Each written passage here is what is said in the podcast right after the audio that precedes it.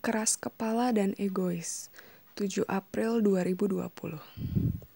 Tolong deskripsikan buruknya aku. Katamu, aku keras kepala dan egois. Kata orang, batu sekeras apa pun akan cekung jika terbentur air. Seiring berjalannya waktu. Kata orang, dengan sedikit bumbu egois, kita akan tahu dalamnya prasangka orang pada kita.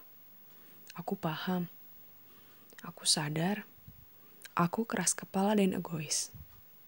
Kamu tahu tidak? Jika aku keras kepala dan egois, aku tak akan mau bertemu denganmu.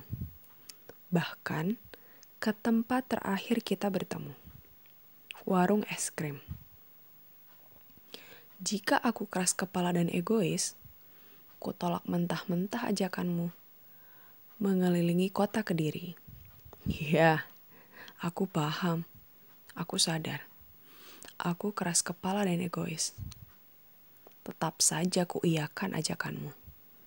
Aku yang berusaha melindungi benteng, akhirnya runtuh.